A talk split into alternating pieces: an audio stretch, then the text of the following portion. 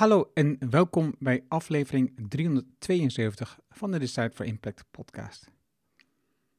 Waar je leert van ondernemers en ondernemende mensen die bijzondere resultaten bereiken, welke besluiten ze genomen hebben hier te komen, wat ze doen, de strategie en hoe ze klanten krijgen. Mijn naam is Arno Hanning en ik deel mijn opgedane kennis, ervaringen en expertise met jou. Ik coach ondernemers zodat ze besluiten nemen om een impact te groeien. Vandaag het gesprek met Ronald Rovers. Ronald heeft meer dan 35 jaar ervaring in de duurzame bouwen en stedelijke duurzaamheid. En rond 25 jaar in het internationale veld. De belangrijkste focus ligt op Zero Impact Built Environments. In onderzoek, onderwijs en als adviseur. Ronald heeft als professor aan verschillende universiteiten gewerkt en loopt sinds 30 jaar parallel aan zijn eigen onderzoeksbureau. Hij was actief in vele internationale projecten en initiatiefnemer en organisator van de eerste Wereldconferentie Duurzaam Bouwen in 2000 in Maastricht. Momenteel runt hij zijn eigen onderzoeksbureau, geeft masterclasses en lezingen en publiceert. In 2018 verscheen het boek Gebroken Kringlopen, in 2019 gevolgd door de Engelse versie People vs. Resources. Het was een super interessant gesprek. Ik weet zeker dat je veel geleerd van Ronald. En ook waarschijnlijk wat realistischer kijkt naar voorspellingen voor de toekomst. Laten we beginnen. Welkom bij Design for Impact. De podcast waarin je leert van ondernemers en experts die een positieve, duurzame bijdrage leveren aan mens en omgeving. Met persoonlijke verhalen die je helpen om impactbesluiten te nemen voor jullie bedrijf. Dan nu, jouw business coach, Engel Halling. Welkom in de nieuwe podcast aflevering. Dit keer spreek ik met Ronald Rovers. Welkom Ronald. Welkom. Goedemorgen. Of goedemiddag, ja, dat ligt er natuurlijk maar aan. Hè? Precies, ligt aan die mensen luisteren. Precies. Ik uh, heb jou voor het eerst zeg maar, kennis met je gemaakt in de voorbereiding voor een evenement wat op 20 oktober in Winterswijk was. En dat ging over het bouwen van groene um, gemeentes. Ja. En het was georganiseerd door de gemeente Winterswijk en de gemeente Aalten.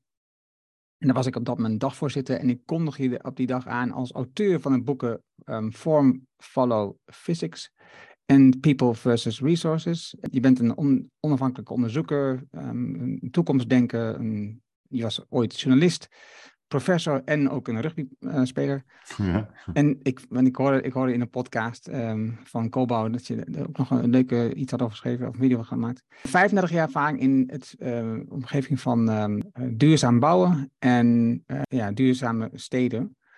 En je hebt een uh, zero impact built environments. Dat is waar je op gaat.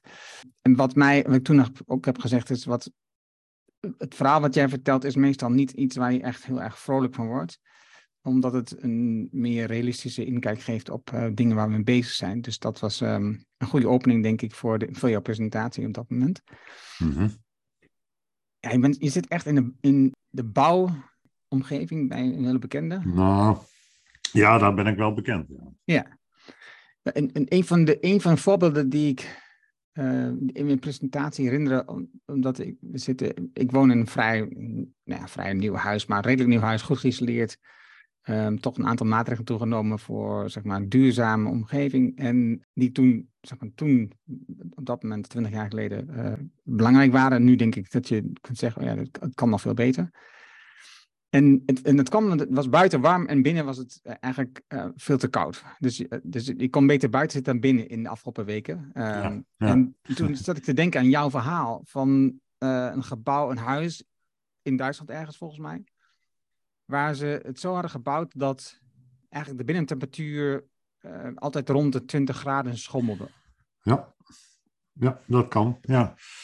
Ja, dat is, dat is kijk, we, we denken gelijk dat je alles met installaties moet regelen in, uh, in een gebouw. Maar um, uh, een Duitse architectenbureau uh, heeft laten zien, en dat was ook al wel bekend hoor, maar zij hebben het gewoon op grotere schaal opgepakt, dat je gewoon een gebouw kan ontwerpen waar geen verwarmingsinstallatie in zit. Helemaal niet. Er zit, er zit echt geen enkele pijp in, of radiator of wat dan ook. Um, en dat begon met een kantoor in uh, zo'n tien jaar geleden zal dat geweest zijn. Ehm, en dat was zo geoptimaliseerd qua ontwerp dat het helemaal draaide op zeg maar zonne-energie. dat wil zeggen zonnewarmte die door ramen binnenkwam. En interne warmte, hè, geproduceerd door, door de mensen en de computers, et cetera. En ehm, het hele jaar bleef dat tussen de 22 en de 26 graden. En ik ben daar geweest en uh, ik heb dat ook rondgevraagd. En, uh, en het werkt dus ook gewoon zo. Mensen hebben zich daar nooit on, oncomfortabel gevoeld. En het in principe werkt. En een jaar of vier, drie geleden hebben ze ook een woningbouwproject zo gemaakt. Een appartementencomplex. Op dezelfde manier. En ook daar was ik afgelopen zomer nog om, om met die mensen en ja, die, er zit gewoon geen verwarming in, die woningen. De, dus je kan die hele installatie, en, de, en die heeft natuurlijk ook impact in productieenergie, in, in materiaaluitputting, die kan je gewoon weglaten. Oké, de, de, wanden zijn iets dikker als gemiddeld, dus daar eh, lever je wat uh, terug. Maar het, totaal is gewoon een veel betere prestatie. En je bent niet afhankelijk natuurlijk van, van uh, energie van buiten. Geen netwerk nodig om die energie aan te leveren. Dus het kan. Het kan gewoon. Hè? En mensen die zwaar geïsoleerd hebben, merken dat ook wel eens dat ze zeg maar, de verwarming ehm, pas heel laat aan hoeven zetten. Omdat ehm, ja, die woningen gewoon wat minder snel afkoelen in de, in, in de nacht en dan al snel s morgens weer opgewarmd zijn. Dus laten we zeggen, zeker in de nieuwbouw uh, kan je daar natuurlijk al, al mee uit de voeten. En in de bestaande bouw, ja, dan wordt het wat lastiger. Uh, uh, om, om, zeg maar, als het gebouw al staat, om dat nog op die manier te regelen. Maar je kan ook een heel eind komen, hoor. ook in bestaande bouw. Alleen, het probleem met de bestaande bouw is dat wat wij proberen is. Nou ja, misschien heb je die sheet toen ook wel gezien in mijn verhaal. Want als je het verschil kijkt tussen een woning, de Amsterdamse grachtenpand in 1900, hoeveel energie die nodig had om uh, te verwarmen, en een woning uit het jaar 2000, zeg maar jouw woning, dan is dat precies evenveel. En dan vraag ik altijd aan de mensen, hoe komt dat dan? Uh, ja, dat is even zoeken natuurlijk, maar op een gegeven moment komen ze daar wel achter. Dat in 1900, toen verwarmden ze één kamer van dat hele grachtenpand. Hè? En tegenwoordig verwarmen wij het hele huis. Bovendien, in dat grachtpand verwarmen ze die kamer maar één, uh, uh, alleen s'avonds. Overdag ging de kachel laag en dan werd de, de kolen toegedekt. En in ons huidige huis verwarmen wij 24 uur per dag het hele huis. Hè? Dus we zijn, we zijn er, laten we zeggen, technisch, technisch is het wel slim. we gebruiken niet meer energie, maar we zijn er in netto energiegebruik niet op vooruit gegaan in 100 jaar ondanks alle energiebesparingscampagnes, wat we gedaan hebben, is ons comfort verhoogd.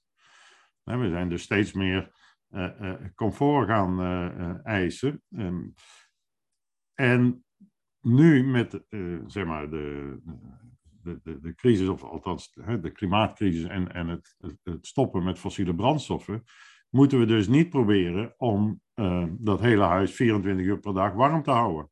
Ehm, met een hoop installaties. Eh, wat we moeten doen, is we zeggen, wacht eens even, jongens, eh, ehm, echt koud is het maar een paar eh, weken per jaar. En, en zelfs dat amper afgelopen winter was natuurlijk een, een lachertje als winter. Wat je moet doen is gewoon een kleine ruimte isoleren en verwarmen in, in die twee, drie weken dat het echt koud is dan, vroeger hadden we schuifdeuren.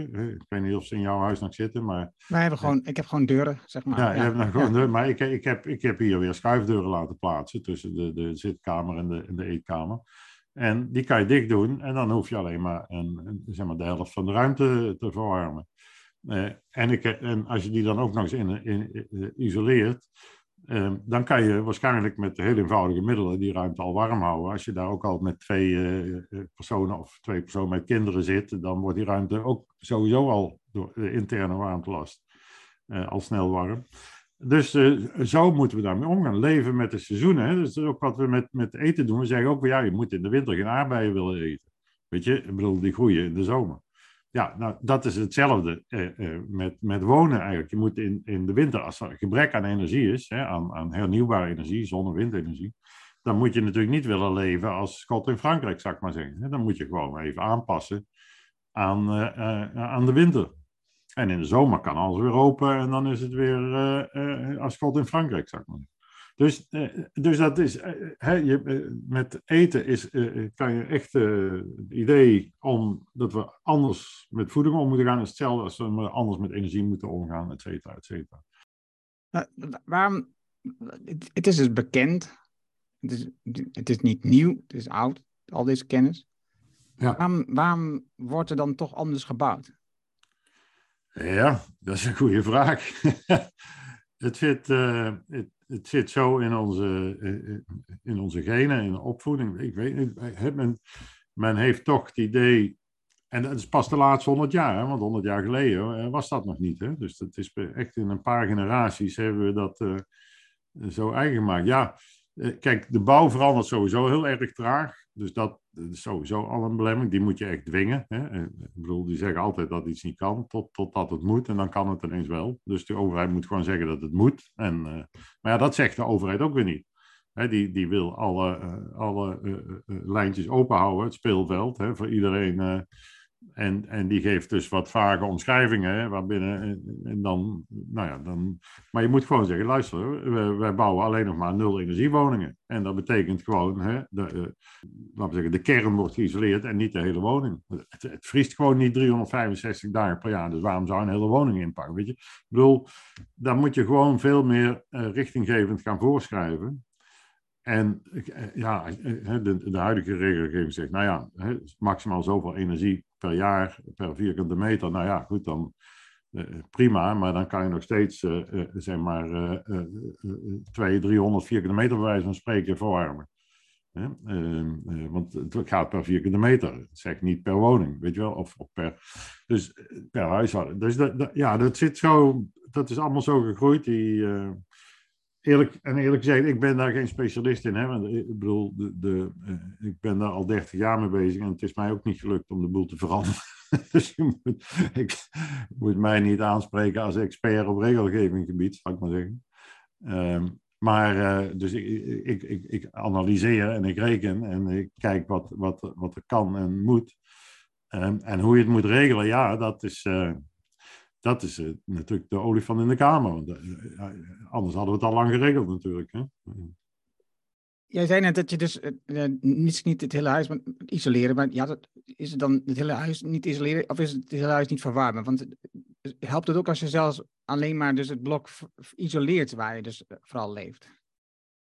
Ja, natuurlijk. Kijk al, als je alleen maar de ruimte verwarmt waar je leeft en je isoleert het niet, of je, dan, bij, dan verlies je natuurlijk snel veel warmte aan, uh, aan de andere ruimtes. Hè? En, en, uh, en, en door ventilatie en, en conductie. Dus de, de, nee, het, het, heeft wel zin om dan ook die ruimte serieus te isoleren. Maar heeft het, maakt het dan niet zoveel uit dat je de ruimte waar je niet bent, of de slaapkamer, zo, dat je die dan minder isoleert ook?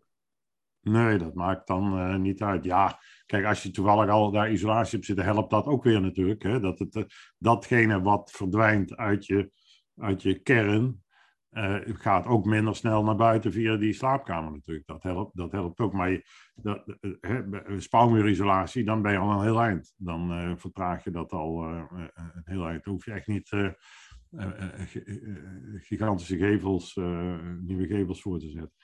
Um, maar wel die kern uh, isoleren, ja. En dat, die, ik, ik heb het zelf, uh, twee jaar geleden was het een week heel koud. Uh, en toen is de rest van mijn huis niet kouder dan 12 graden geworden, ondanks dat ik alleen die kern vorm. Dus je hoeft ook niet direct bang te zijn dat daarboven alles bevriest of zo. Nee. Ja, en wij, en wij, wij slapen sowieso nooit met verwarming aan. Dus weet je, dat, Nee, wij, wij verwarmen in principe uit maar twee, drie ruimtes in het huis. Het is uh, de keuken, uh, waar we ook het eten hebben. We hebben de woonkamer en ik heb mijn kantoor hierboven. Ja. Dat, dat is het, meer niet. Nee, precies. Maar jij moet dus in de winter, als het echt koud is, moet je kantoor uh, dus ook niet verwarmen. Dan ga je gewoon beneden aan de eetkamer zitten. Ja, dat, dat zou ook een alternatief ja. zijn. Ja, precies. Ja. En dan ja. zeg je gewoon, nou even die paar weken dat het echt koud is, dan passen we ons even aan. En dat scheelt echt serieus verwarming. Ja, ja dat is goed. Maar goed, hè, dat, dan nog hè, moet het, moet, heb je nog steeds wat verwarming nodig. Ja, ja. Maar dat scheelt al enorm.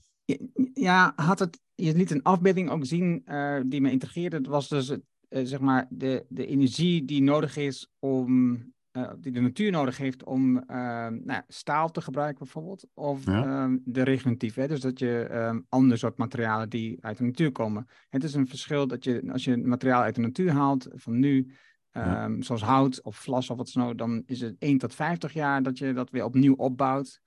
Maar die andere is 1 tot 50 miljoen jaar. Hè? Als je staal uit de bodem haalt, ja, komt, dat komt gewoon voorlopig niet terug. En ik moest ook denken aan het plaatje wat je te zien, bijvoorbeeld. En, dan liet je een plaatje zien van een um, straatlantaarn, waarbij dus die paal um, is van aluminium, staal of bijvoorbeeld hout. Ja, ja, ja. En dat scheelt enorm. Ja. Dit, en dat is echt ongelooflijk. Ja, ja zijn, twee dingen zijn dit. Op de eerste plaats, hè, wij denken dat we vooral een energieprobleem hebben, maar we hebben vooral een materiaalprobleem. Hè, want uh, uh, we moeten van fossiel af. En dan moeten we dus met hernieuwbare energie gaan werken, wind- en zonne-energie. En daar is niks mis mee, maar daar heb je materiaal voor nodig. Uh, windmolens, zonnepanelen, energie, energiereductie, ja, huis isoleren is ook materialen. Eigenlijk verplaatsen we gewoon het probleem naar materialen. En, en die materialen hebben we energie nodig om te produceren. Uh, en dat moet weer hernieuwbare energie zijn, dus heb je weer, weer nieuw, meer windmolens en zonnepanelen. Uh, uh, dus wij snijden onszelf in de vingers als we niet op materialen optimaliseren, maar alleen naar energie kijken. En in, in, ik illustreer dat inderdaad met die, die lantaarnpaal. Die, het maakt nogal wat uit welke materialen je kiest.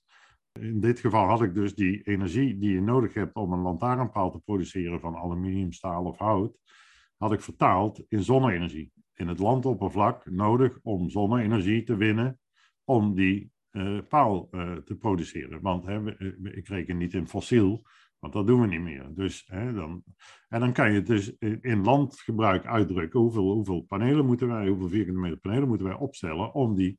Ja, en dan kom je uit mijn hoofd even, uh, ik geloof bij aluminium, op 3000 vierkante meter nodig om de energie te produceren, uh, uh, om die aluminium lantaarnpaal te maken. En voor, ik meen dat het voor staal 1000, zo even uit mijn hoofd, en, en uh, voor hout heb je dan nog maar 30 vierkante meter nodig. Hè? Dat, die 30 vierkante meter is dan een beetje energie, maar vooral natuurlijk het groeien, het groeien van het hout voor die lantaarnpaal.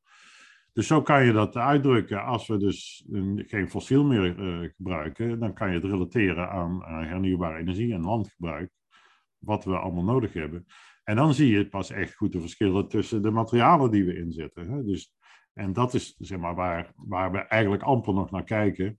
Van ja, we verzinnen allerlei leuke technologieën die, we, uh, die energiezuinig zijn of geen energie gebruiken. Maar welke materialen zetten we daarvoor in? Want die hebben natuurlijk ook weer energie nodig om te produceren. En uh, hoe meer, ja, hoe meer windmolens we weer moeten bouwen. Dus dat is, daar zou je wel eigenlijk, dat, dat moet ook wettelijk geregeld worden. Dat we echt die materialen gaan, ook gaan begrenzen in wat we daarmee doen. Het lijkt erop, het is in ieder geval zoals ik het vertaal, dat, dat wij het probleem, wij de mensen, en vooral in de westerse wereld, wat we hebben, en nu hebben we een probleem met, uh, met, het, met het milieu, met de, de ecologische biodiversiteit bijvoorbeeld, uh, met de oorlog, eigenlijk altijd technologisch willen oplossen. We hebben altijd, willen ja. altijd een product maken, iets maken, iets toevoegen om het probleem te verminderen. Ja, ja precies. De, de, de vlucht in technologie. En, en dat is eigenlijk de grootste strijd die nu gevoerd wordt, hè, is die met te, techno-optimisten, noem ik ze altijd. Hè. Dus uh, de mensen die allemaal technologieën voorstellen om, om dingen op te lossen. En technisch zijn die dingen soms briljant. Ik bedoel, daar zitten echt hele mooie dingen tussen. Maar wat ik steeds zeg is, ja, leuk, zo'n technologie, maar vermenigvuldig die nou eens met 8 miljard. Hè. We zijn met 8 miljard mensen op de wereld.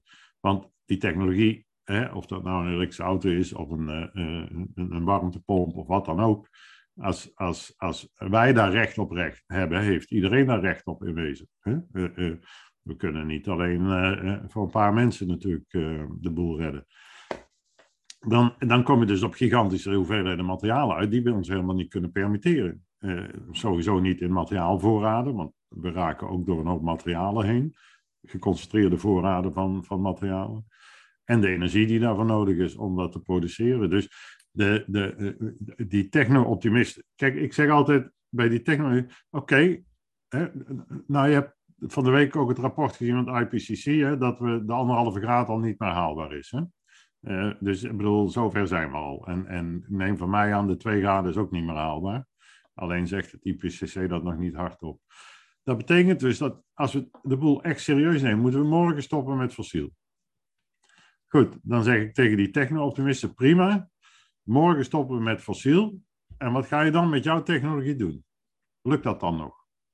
Om die te produceren voor 8 miljard mensen? Ja, de antwoord is natuurlijk nee. Want de, de, al die technologieën en die windmolens en die zonnecellen die we nu produceren, die worden allemaal nog gemaakt met fossiele energie.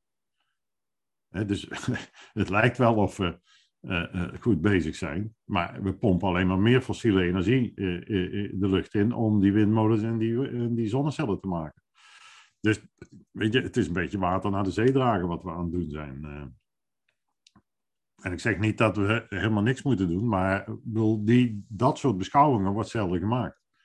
Om, door het wat breder te trekken van jongens, hè, uh, kijk nou eens even uh, uh, waar we mee bezig zijn en, in, in, en naar de hoeveelheden, het volume. Het is altijd natuurlijk een kwestie van volume en, en snelheid hè, waarmee je het introduceert, die bepaalt wat de impact is hè, van de energie die je erin stopt. Um, dus daar wordt amper naar gekeken. Een ander staatje wat, ik, wat ook nog zeg maar, in mijn brein gegrift is, is, het is we zien dat we bijvoorbeeld in CO2-uitstoot um, ehm, omlaag gaan. Ja. Um, maar te zeggen, ja, maar dat is allemaal mooi en aardig, maar eh, het stapelt elk jaar bij elkaar op. Het is, het is niet het feit dat we omlaag gaan. Het is gewoon wat we dit jaar dus uitstoten. Dat komt bij op wat er al uitgestoten is. Ja. Het is het is die trend omlaag lijkt interessant, maar het stelt eigenlijk niks voor. Nee, nee dat klopt. Hè. wij redeneren vooral in reducties. Hè, dat we zeggen van, nou ja, deze techniek of deze oplossing reduceert het weer met zoveel procent, et cetera. Maar ja, als je met procenten werkt en, en je komt ergens in 2050, 60 uh, op nul uit, dat is allemaal leuk en aardig. Maar dat, uh, uh, op dit moment, hè, we zijn al door die anderhalve graad heen. Er is een maximaal budget aan CO2 wat wij kunnen uitstoten.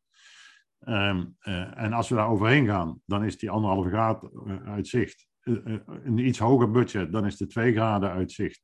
Hè, de, de, de wetenschap, klimaatwetenschap heeft kunnen uitrekenen hoeveel de CO2 er ongeveer in de lucht mag zitten, maximaal. Nou, die anderhalve graad aan die CO2-niveaus, daar zijn we nog niet aan. Alleen, het is nu al duidelijk dat we daar doorheen gaan schieten, dat, dat, dat we het niet meer gaan redden. Maar dat zie je alleen maar als je dus die, die, jaarlijkse uitstoot bij elkaar optelt um, tot een absoluut budget. En dan zie je dat we over twee, drie jaar door dat budget heen zijn. Als je alleen maar in reducties uh, denkt, dan lijkt het natuurlijk dat we goed bezig zijn. Ja, toch weer een paar procent hier en een paar procent daar. Maar ondertussen eh, het is niet nul, dus het groeit wel. Hè? Zolang het niet nul is, die reductie, hè, de, 100%, dat, dat is hetzelfde met woningen isoleren. Hè? Dat moet je wel naar nul energie doen, want als je het niet naar nul energie doet, hè, dus dat ze netto geen energie meer nodig hebben, ja, dan, dan blijf je dus energie nodig hebben en eventueel fossiel inzetten. De, dat, maar niemand kijkt dan. Ja, het is ook vervelend om dat te zien natuurlijk. Want dan zie je dat we inderdaad door twee, in Nederland, door, over twee, drie jaar zijn we door ons budget van anderhalve graden heen. En dat is wel vervelend natuurlijk. En over zeven jaar of acht jaar zijn we over door het twee graden budget heen. Dat betekent dus eigenlijk dat we over acht jaar, zeg 2030, op nul moeten zitten. Willen we met, als Nederland binnen dat twee graden budget blijven? Terwijl het politieke doel is 2050. Ja, dat is dus 20 jaar te laat. En dan krijg je natuurlijk, ja, oh, oh, ja maar we moeten ook CO2 afvangen en opslaan. Ja, allemaal leuk en aardig, maar uh, uh, dat moet ik nog maar zien, weet je wel, dat dat gebeurt. Dat is, dat is wensdenken naar de toekomst toe. En er zal best een, uh, hier en daar wat, wat opgeslagen kunnen worden, maar dit gaat over zoveel mega CO2 dat je zou moeten opslaan. Dat, uh, En dan moet het nog maar gebeuren. Hè? En, en het, dat gaat ook vreselijk veel geld kosten. En intussen hebben we dat geld, hè, voordat we al dat geld in dat opslaan kunnen zien, moeten we dat geld gaan investeren in dijken verhogen. Dus je kan maar één keer uitgeven, dat geld. Uh, dus dat, uh, ja, dat, dat, alles wat geprojecteerd wordt naar de toekomst, dat vertrouw ik niet. Hè. Hetzelfde als met recycling.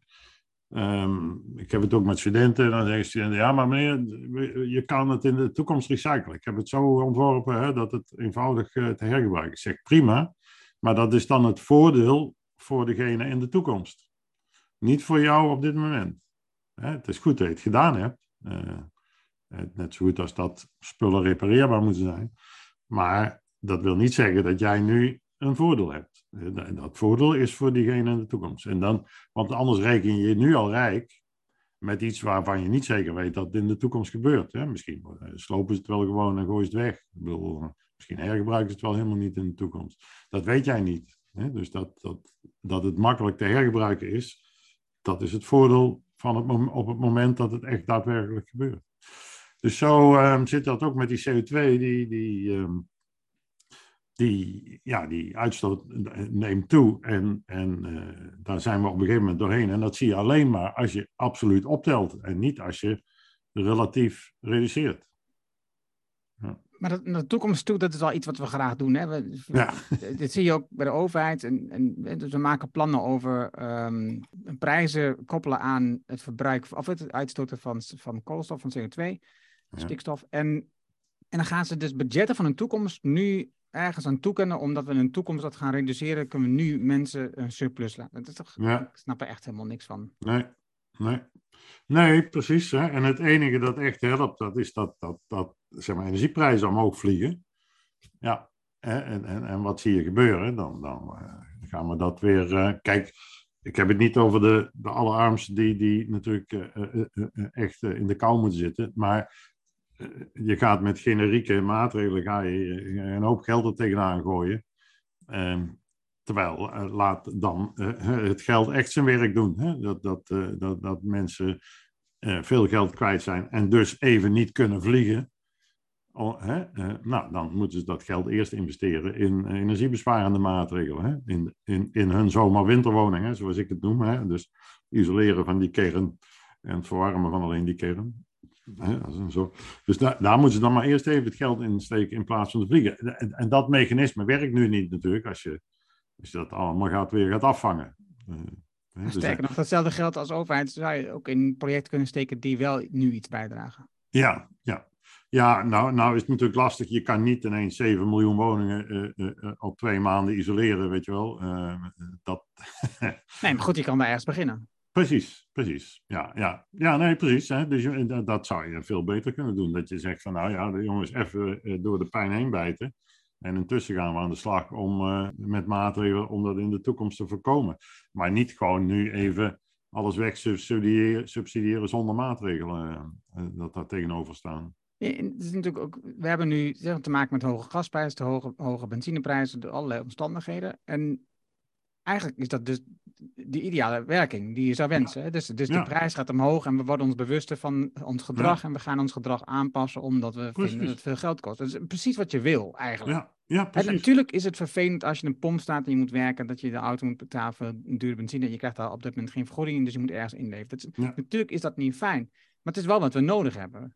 Nou, precies. Dat zijn nou net de prikkels die hè, eh, eh, de verandering uh, gaan bewerkstelligen. Hè, wat dat betreft heb ik al eens gezegd, nou ja, moet Poetin in zekere zin dankbaar zijn, weet je wel, want, uh, dat, want dat, dat de, qua klimaatreactie en, en, energie geeft dit de, de goede beweging in gang gezet. Ik bedoel, de, de reden waarom is natuurlijk compleet fout en, en, en vervelend en, en natuurlijk ellendig voor die Oekraïners, maar het neveneffect uh, nou ja, laten we daar in ieder geval even van gebruik maken, zou ik zeggen. Maar dat, dat gebeurt dus ook niet als je tenminste gewoon wegfinanciert, hè, die uh, verliezen.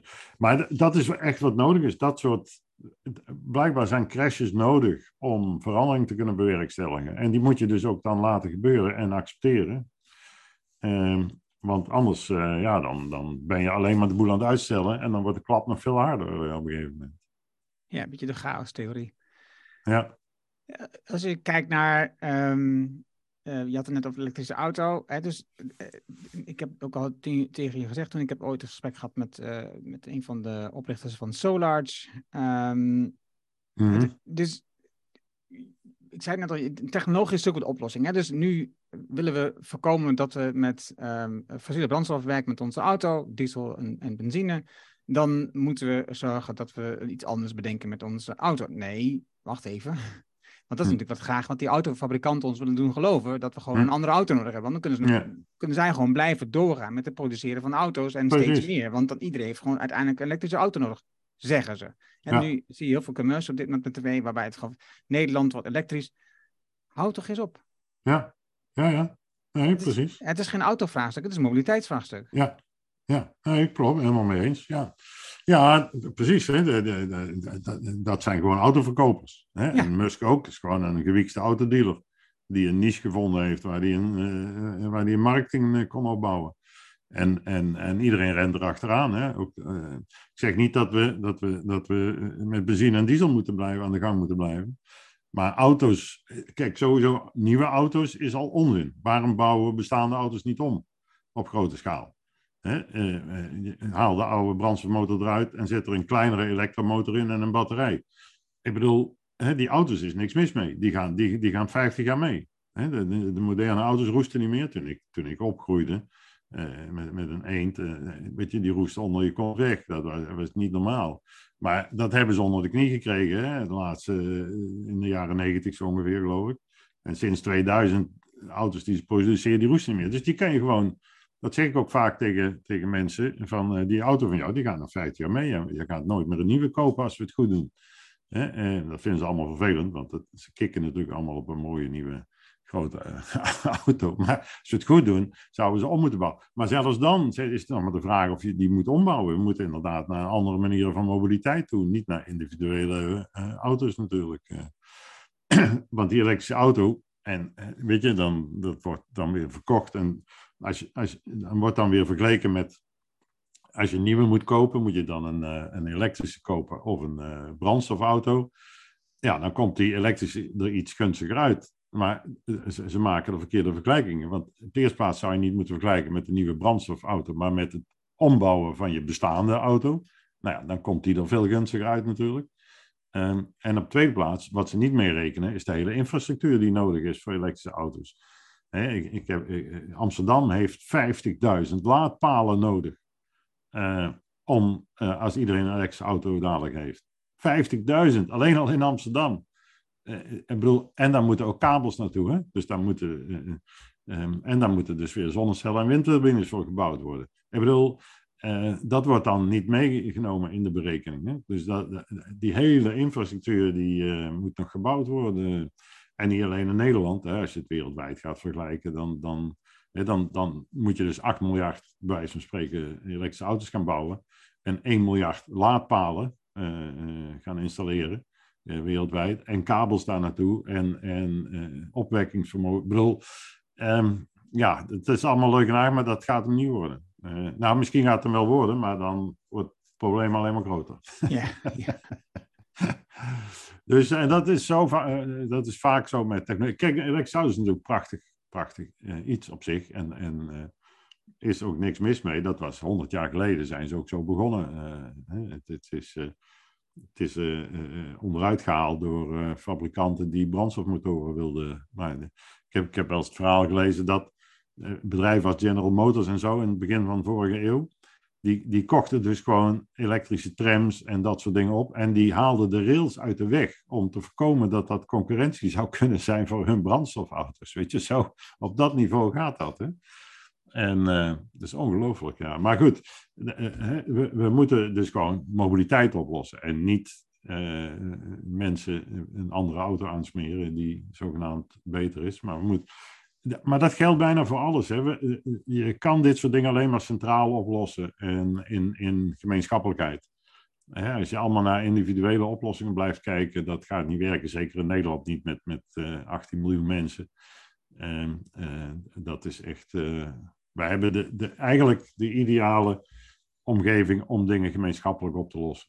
Uh, dus eigenlijk, hè, ik bedoel, je kan hier, ons treinennetwerk, uh, weet je, dat, dat, je kan hier redelijk makkelijk overal met de trein komen. dus nou, als we nou die bussen die daarop aansluiten ook nog eens allemaal goed in de vingers hebben, dan kunnen we in Nederland al een heleboel.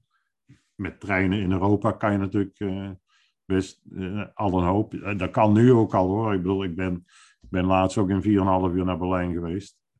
Met de trein. Ik bedoel, hè, de, de, daar kan ik niet tegenop rijden met de auto. Uh, en zelfs vliegen, uh, dat wordt al lastig. Uh, Oké, ik had ook, moest ook nog eens naar het station natuurlijk en zo. Maar... Dus dat, op, die, op dat niveau moeten we dat allemaal gaan oplossen. en, en, en natuurlijk, niet alles kan meer. Ik bedoel, de luxe die wij de afgelopen 50 jaar gehad hebben, het, is, het, is, het, is, uh, het, is, het is niet mogelijk om die luxe gewoon te handhaven op een duurzame manier. Op een volhoudbare manier. Wat, wat, wat kan er in ieder geval niet meer? Nou, uh, kijk, je moet je voorstellen dat fossiele energie niet meer kan, niet meer kan morgen. Ja, dan, dan wordt je, je actieradius en, en je, je, dat wat je kan aanschaffen, aan materialen en dingen, dat wordt gewoon een stuk minder. Uh, minder reizen, minder uh, uh, kopen, spullen kopen. Spullen kopen is, is bijna 50% van, van de impact hè, die we veroorzaken.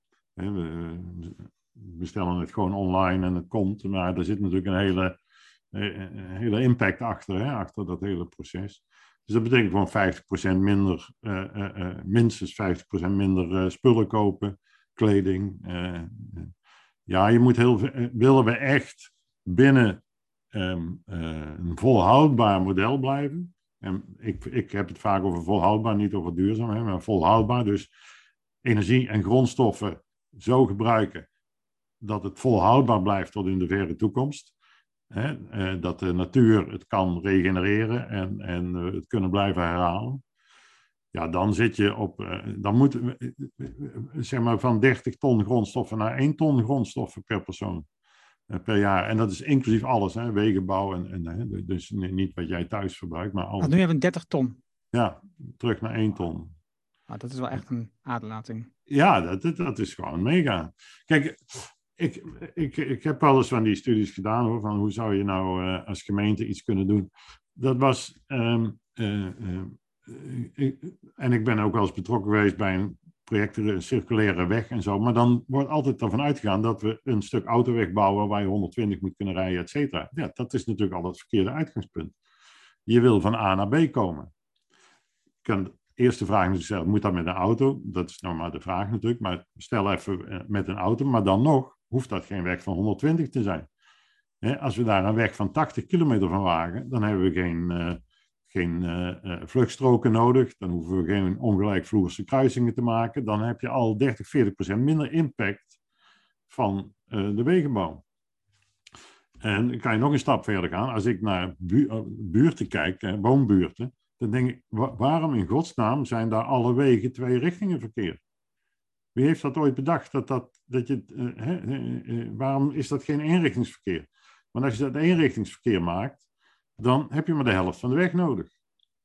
Uh, en uh, als je dus de helft van de weg maar nodig is, maar is dus maar de helft van de grondstoffen bij nieuwbouw, maar in bestaande bouw, ik heb wel eens tegen de gemeente gezegd, nou, je moet al die wegen halveren. Maak er allemaal een richtingsverkeer van. En dan kan je de helft van de wegen opbreken. En dat heeft drie voordelen. Ten eerste, je, je onderhoud is met 50% afgenomen. Dat moet toch interessant zijn voor een gemeentelijk budget. Je hebt een hoop grondstoffen die je circulair kunt inzetten. Hè, eh, van al die die allemaal vrijkomen uit die wegen.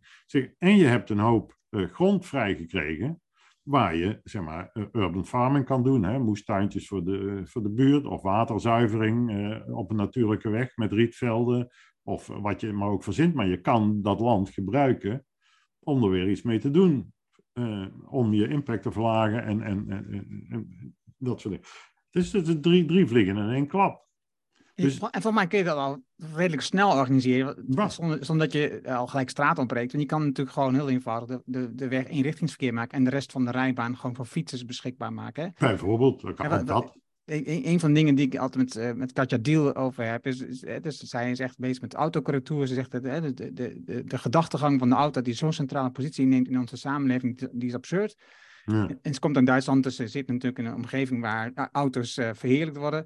Maar um, het bijzondere is natuurlijk, als je wilt dat er meer fietsers komen, dan moet je dus gewoon ja. betere infrastructuur aanleggen voor de fiets. Ja. Ingewikkelder is het niet. Nee. Nee, nee, nou, of, of bestaande infrastructuur vrijmaken ervoor. Hè? Ja, precies. wat, wat een hoop steden in coronatijd ook deden, hè? De, omdat er toch al wat minder gereisd werd. Hebben ze hele wegen, in Parijs hebben ze hele wegen uh, vrijgemaakt voor fietsers ineens, weet je wel. En, uh, en een aantal hebben ze nog steeds, geloof ik. Uh, ja, zeker. Ja. Dus de, ja, nee, dat, dat, maar dat, dat soort rigoureuze ingrepen moet je dan doen, ja. ja. Ik noemde net al Solarge. Als je kijkt naar Solarge, die zijn nu bezig en zij noemen het een circulair um, zonnepaneel maken. Um, ik denk dat jij daar je twijfelt hoe ver dat circulair is. Maar zij willen uiteindelijk, zeg maar, dat het product in ik dacht Noorwegen ook wordt gemaakt, want daar kunnen ze op basis van waterstof uh, ja. die, die producten produceren, zodat ook dat stuk uit China uh, met alle uh, fossiele grondstoffen ook wordt geminimaliseerd of wordt verwijderd. Met waterkracht, denk ik, bedoel je? Ja, dat zal. Ja, dat ja want in Noorwegen is waterkracht natuurlijk. Ja. En, en hoe zie jij dat stuk? Nou, als het om zonnecellen gaat, is Solarge de meest interessante ontwikkeling op dit moment. Ik bedoel, um, de vraag is hoeveel zonnecellen we moeten produceren en nodig gaan hebben. Uh, maar dat we ze nodig hebben is duidelijk. Um, en dan is inderdaad de ontwikkeling bij Solaris is echt een hele mooie ontwikkeling. Die pakken een hoop problemen van zonnecellen integraal aan. Uh, en ik kijk echt uit naar het moment dat ze gaan produceren. Nee, dus dat is, staat buiten twijfel. Kijk, de vraag is met, met betrekking tot zonnecellen is natuurlijk moeten we alles wat we nu doen en energie nodig heeft, uh, ook van energie gaan voorzien met zonnecellen. Dat, dat denk ik dus niet, want dan krijg je aan de materiaalkant weer het probleem. Hè? En dan SolarGe maakt die zonnepanelen dan ook materiaaltechnisch op een hele goede manier. Maar dan nog, wereldwijd zijn de hoeveelheid materialen gelimiteerd. Hè, voor alles. Dat heeft, dat heeft niks speciaals met zonnecel te maken. Dus Um, uh, uh, dan nog moet je afvragen hoeveel zonnecellen kunnen wij ons permitteren wereldwijd hè, om, om iedereen van elektriciteit te voorzien. Um, en moeten we alles wel, hè, moeten we wel bladblazers en, uh, en terrasverwarmers en ik bedoel, hè, als we eens beginnen met al die flauwekul eruit te mieteren. Ik bedoel, het is allemaal leuk geweest en we hebben een tijdje feest gehad natuurlijk met die fossiele brandstoffen, maar het, gaat, het moet toch echt anders worden. Hè, want, want ik, ik, ik, heb het, ik zou het kunnen uitrekenen, denk ik, voor, voor bladblazers en, en, uh, en terrasverwarmers. Maar ik heb het wel eens uitgerekend voor, uh, voor uh, wasdrogers, zeg maar. We kunnen natuurlijk een circulaire wasdroger maken hè, van circulaire materialen. En we kunnen hem ook nog in een leenstelsel stoppen. Hè, dat we, een, dat we een wasdroger delen. maar dan nog steeds kost die materialen om te produceren natuurlijk.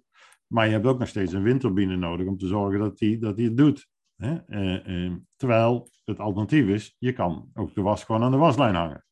Eh, dan heb je al die materialen niet nodig en de energie niet daarvoor.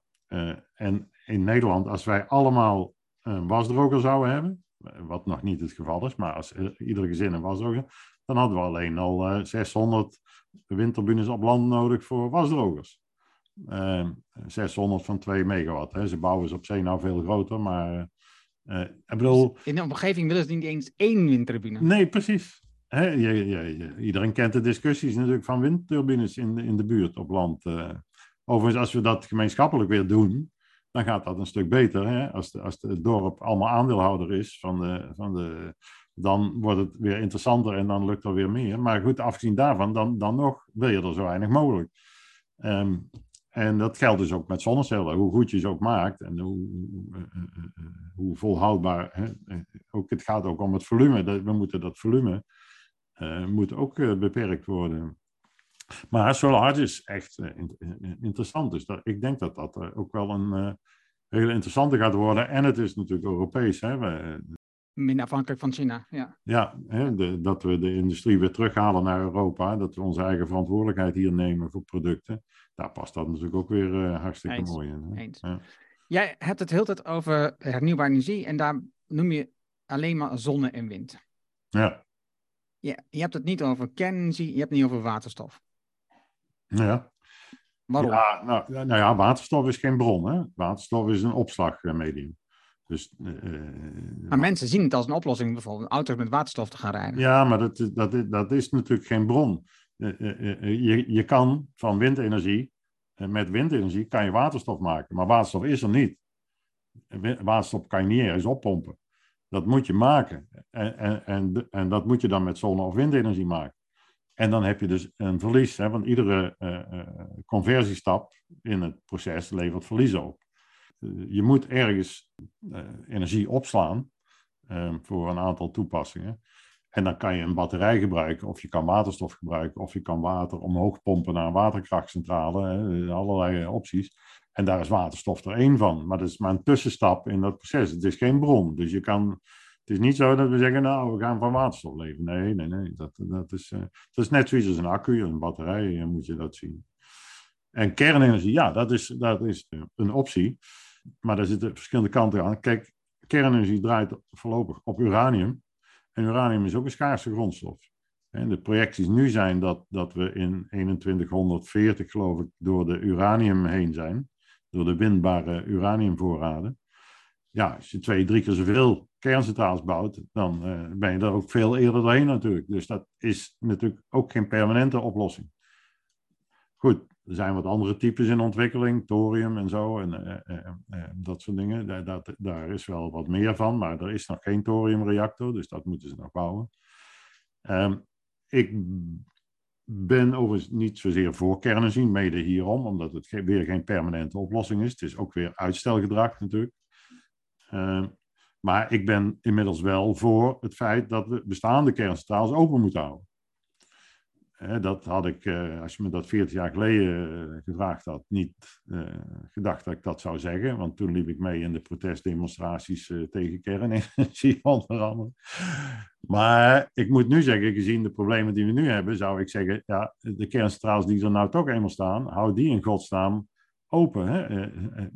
Het, is, het is wel begrijpelijk vanuit dat 40 jaar oude activisme waar ik ook eh, in zat, dat je zegt, ja, weet je, eh, in Duitsland, we gaan ze sluiten, want ik ben niet voor niks 40 jaar links en progressief geweest. En, eh, maar het is niet handig, op dit moment, het, sluitingsmoment is niet handig. Ze staan er toch, houden ze in godsnaam open, ook in België en Frankrijk, eh, als basisvoorziening, hè, die, die eh, gewoon een basislood kan genereren in de tijd die wij nog nodig hebben om, eh, om te bouwen, om CO2-loos te worden. Uh, en dan gaan we dan uh, over, over 30, 40 jaar wel eens kijken of we ze niet alsnog kunnen sluiten. En, uh, dus dat uh, wat betreft kernenergie. Ja, en dan blijft eigenlijk alleen zon en wind over. En biomassa. Maar dat is ook zon. Hè? Kijk, zon en wind is ook zon. Hè? het is eigenlijk altijd zon. Hè? want zon veroorzaakt wind hè? door luchtopwarming, et cetera. Uh, en zon uh, uh, zorgt ervoor dat bomen groeien, dus biomassa. Um, um, ons leven is helemaal afhankelijk van de zon. 100%. En, en dat was het ook al met fossiel natuurlijk. Want fossiel is ook biomassa, die er miljoenen jaren over gedaan heeft om olie te worden. Um, dus een, een zeer inefficiënt proces om energie te maken. Maar was dus ook zonne-energie. Het is eigenlijk altijd zonne-energie. Alleen die zonne-energie die in, in dat fossiel was vastgelegd in olie en, en, heeft ervoor gezorgd dat die CO2 uit de lucht ging. Als je het hebt over CO2-opslag die wij nodig gaan hebben, die hadden we al. Dat was al gebeurd. Dat had de natuur al voor ons geregeld, dat wij die CO2 onder de grond hadden opgeslagen, waardoor er een klimaat ontstond waarin de mens kon uh, evolueren. En de natuur kon evolueren tot het moment waar wij er zijn. Wat wij doen, doen is die evolutie omdraaien. Weet je? Uh, maar goed, het is uiteindelijk altijd de zon waar we van afhankelijk zijn. En, en dan uh, zo rechtstreeks mogelijk. Dus uh, de zon eh, die die woningen opwarmt, hè, die eh, in Oostenrijk eh, die geen verwarmingsinstallatie nodig hebben. Gewoon slim bedacht. En, maar ook wind of water. En waterkracht is ook zon. Hè? Ik bedoel, het is de zon die het water verdampt en regent. En dat vangen we op hoog. Ja, en getijden net zo natuurlijk. ja, getijden heeft nou met zwaartekracht natuurlijk ook te maken. Dat, dat is, zwaartekracht is, is, is er nog één waar je misschien iets mee zou kunnen. Maar alle getijdencentrales en golfcentrales, die zijn nog steeds niet echt goed van de grond gekomen. die staan, slaan meestal stuk. En uh, zwaartekracht bij, bij waterkrachtcentrales is natuurlijk wat je gebruikt nadat de zon gezorgd heeft dat dat water hoog is opgeslagen natuurlijk. En in Nederland is zwaartekracht niet echt. Uh... Nee, nee, niet een vlot. We hebben niet echt de hoge heuvels hier zo. Nou ja, er, er was natuurlijk uh, ooit het idee om het IJsselmeer of de, natuurlijk als een soort opslagbekken te gebruiken. Dat kan je vol pompen met water, met windmolens en dan weer leeg laten lopen en de waterkracht terugwinnen. Dat is misschien nog steeds wel een optie in de toekomst. maar goed, dat is natuurlijk maar beperkt ten opzichte van wat landen als Zwitserland en Noorwegen en zo allemaal kunnen op waterkrachtgebied. De, de, de boodschap die jij hebt door de bank genomen, wat je net al zei, hè, dus van 30 ton materiaal naar 1 ton materiaal, ehm, veel minder spullen kopen.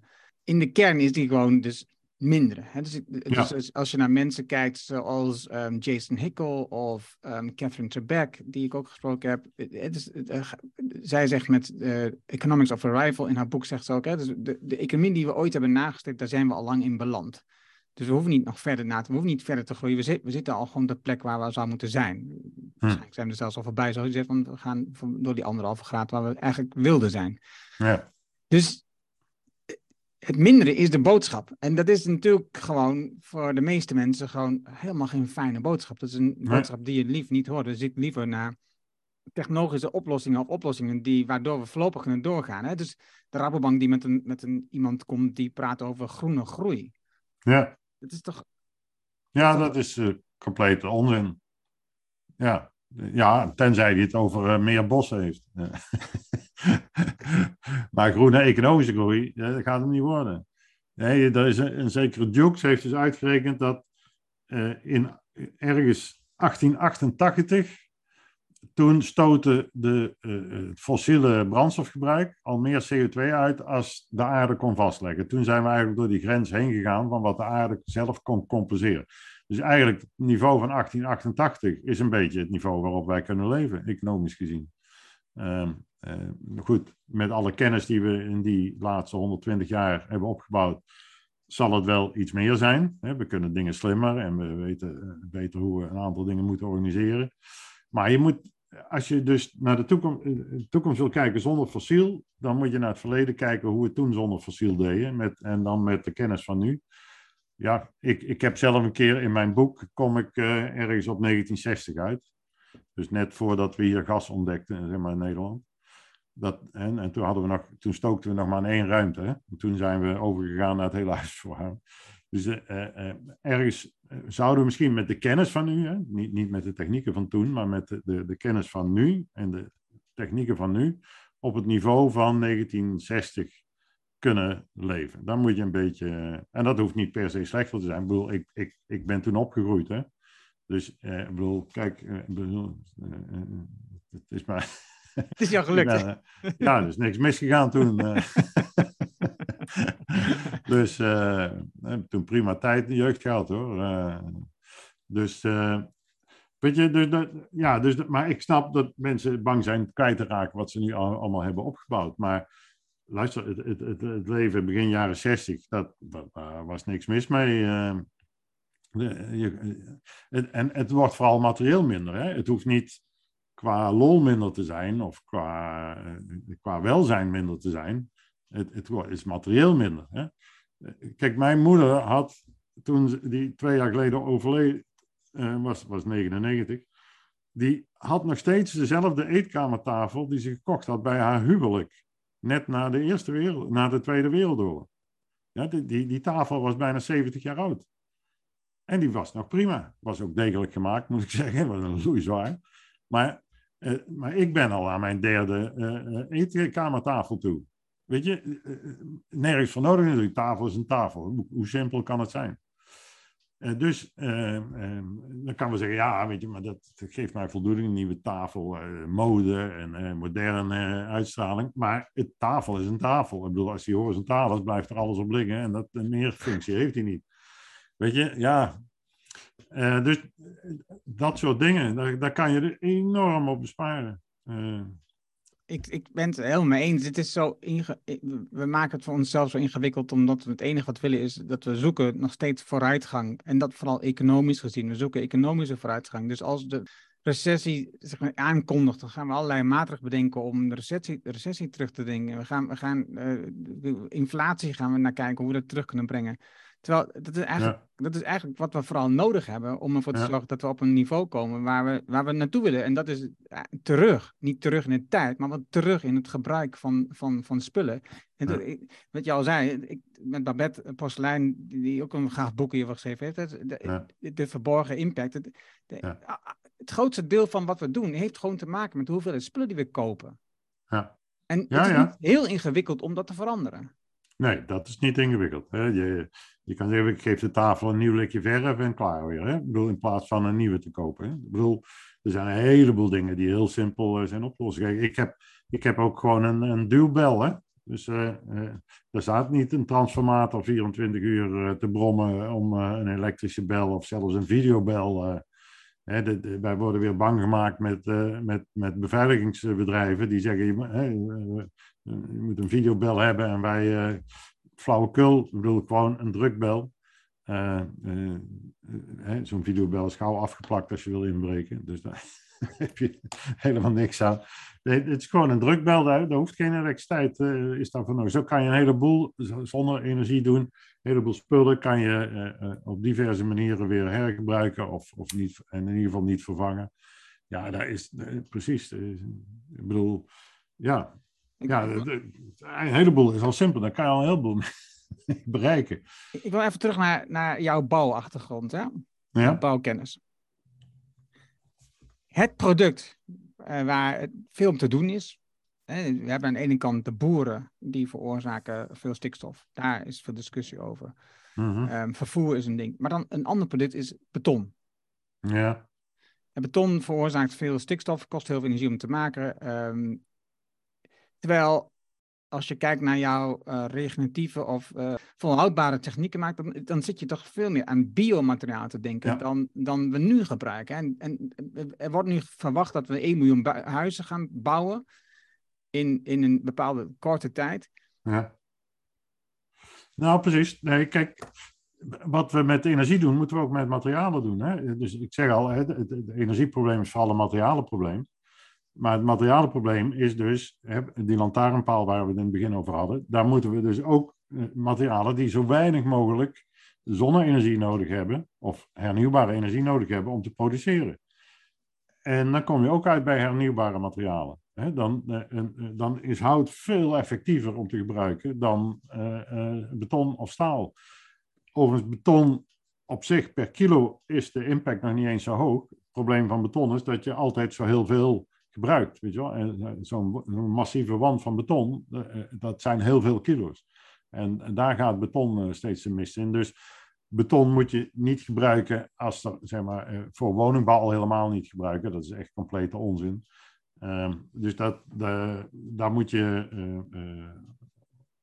zeggen, met hout gaan bouwen, met biobased bouwen, hernieuwbare materialen.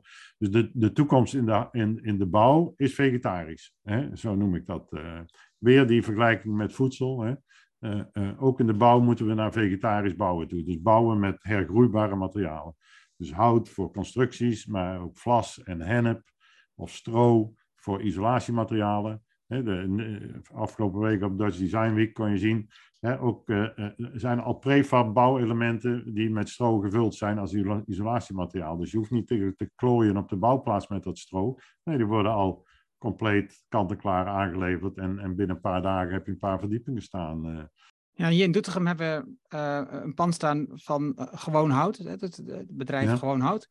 En is onderdeel van een ander grote bouwbedrijf, maar in ieder geval de, de productielocatie Ja. van Gewoon staat hier. En die bouwen dus in modules eh, Ja. de huizen op. En dan kun je gewoon modules structuren zoals je het wil Ja. organiseren. En wat het op jouw ehm, eigen terrein, op je, op je toekomstige woning, zeg maar, wordt het gewoon opgebouwd. Heel eenvoudig. Ja, ja nee, dit is heel, wat dat betreft moet ik zeggen, is de bouwwereld wel in beweging. Hè? Dus dat, eh, dat er steeds meer gebouwd wordt in hout en dat die, die, die, die omslag naar lage embodied energy, hè? dus de lage maakenergie van de producten, ehm, eh, dat begint steeds meer een rol te spelen. En ook het eh, probleem is alleen, ook hier weer, je hebt daar weer land voor nodig hè?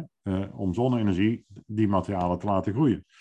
En eh, we hebben alles uitgerekend dat, eh, dat je zeg maar, voor die 1 miljoen woningen die we gaan bouwen, eh, 100.000 per jaar, heb je ongeveer 800.000 hectare aan productieland nodig voor die materialen. En dat is de helft van de landbouwgrond die we in Nederland hebben. Nou, dat is wel een probleem op. Ja, nou ja, als dat allemaal vrijkomt vanwege hè, die eh, stikstof eh, en die veeboeren die uit moeten schrijven. Dus ik- zeg ook altijd, we hebben niks tegen die boer, we hebben iets tegen de manier van boeren. Hè. We, mo- we moeten anders gaan boeren.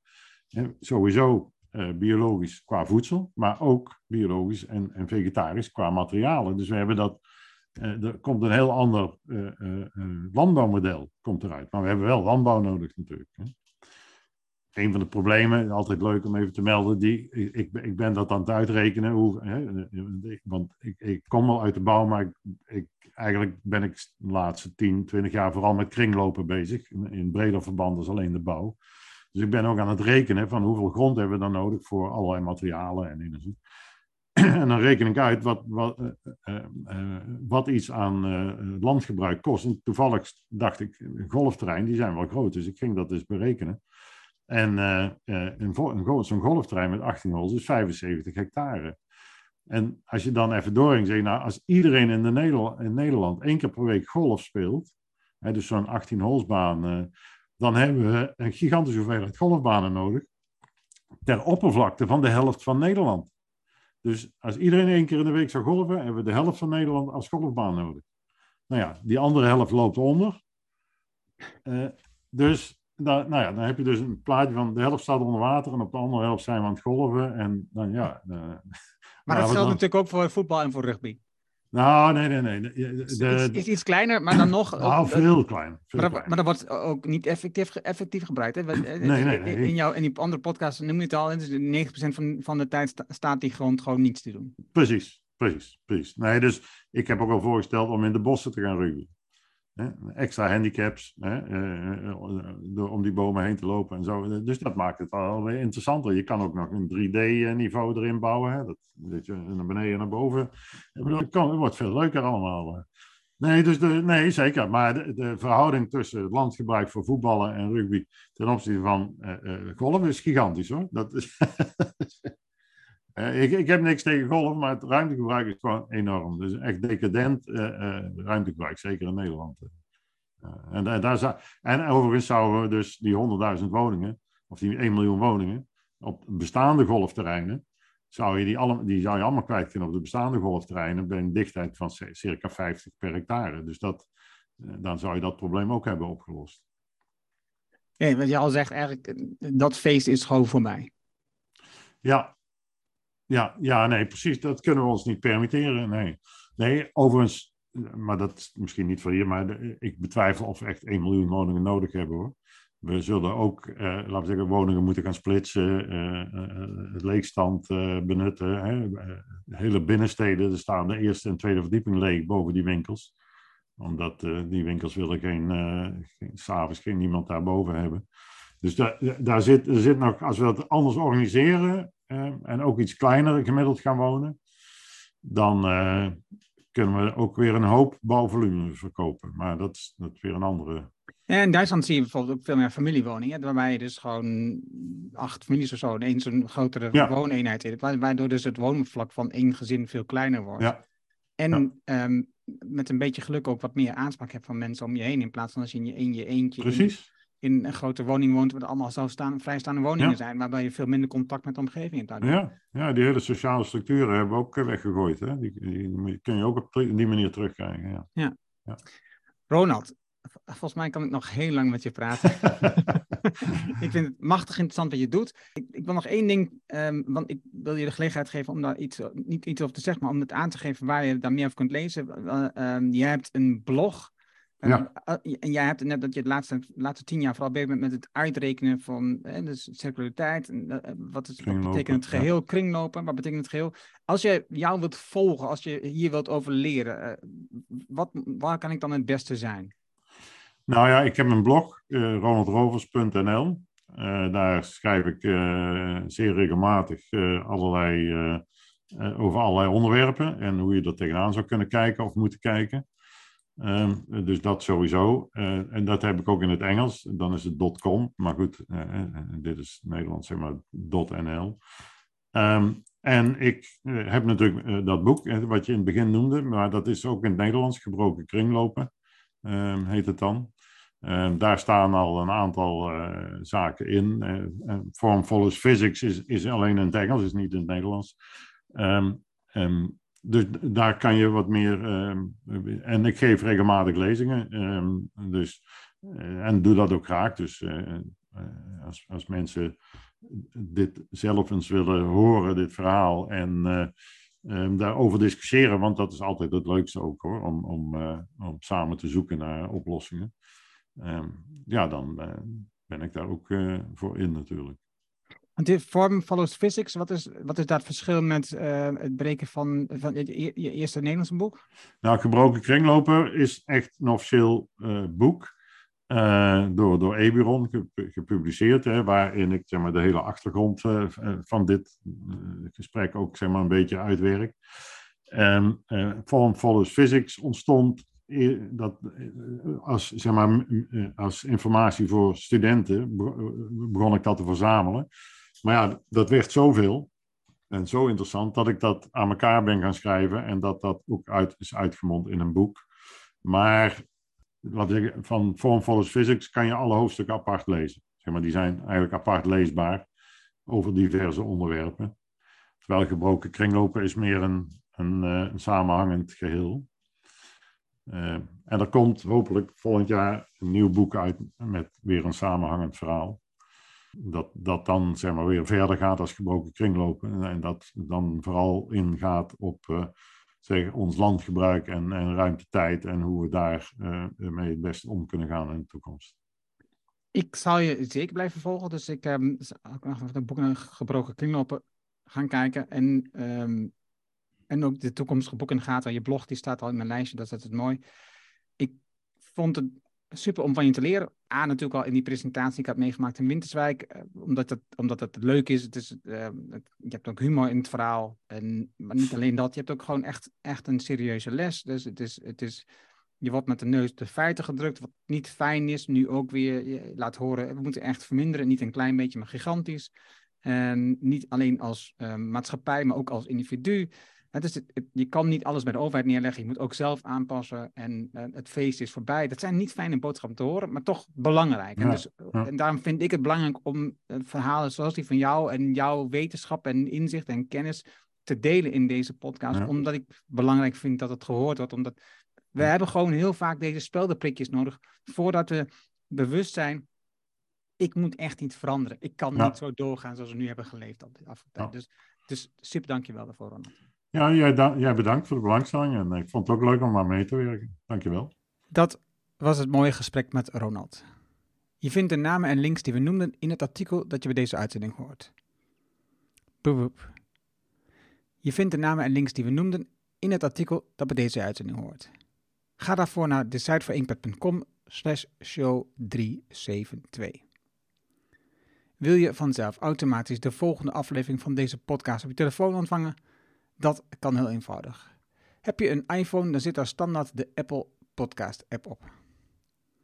Open deze app en zoek de Decide for Impact podcast op. Klik dan op abonneer en de volgende keer krijg je de aflevering vanzelf. Heb je een Android-telefoon, installeer dan eerst bijvoorbeeld de Player FM app.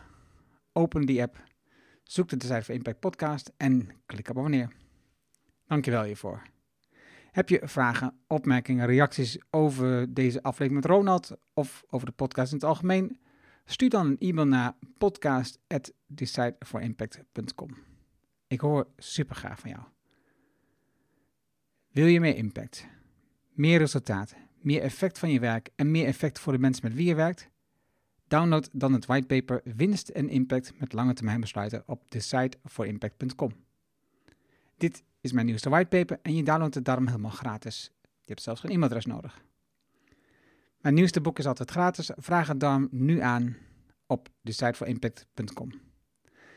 En ik weet, je hebt een volle agenda en je leest het in één avond tijd. Dankjewel voor het luisteren en graag tot de volgende.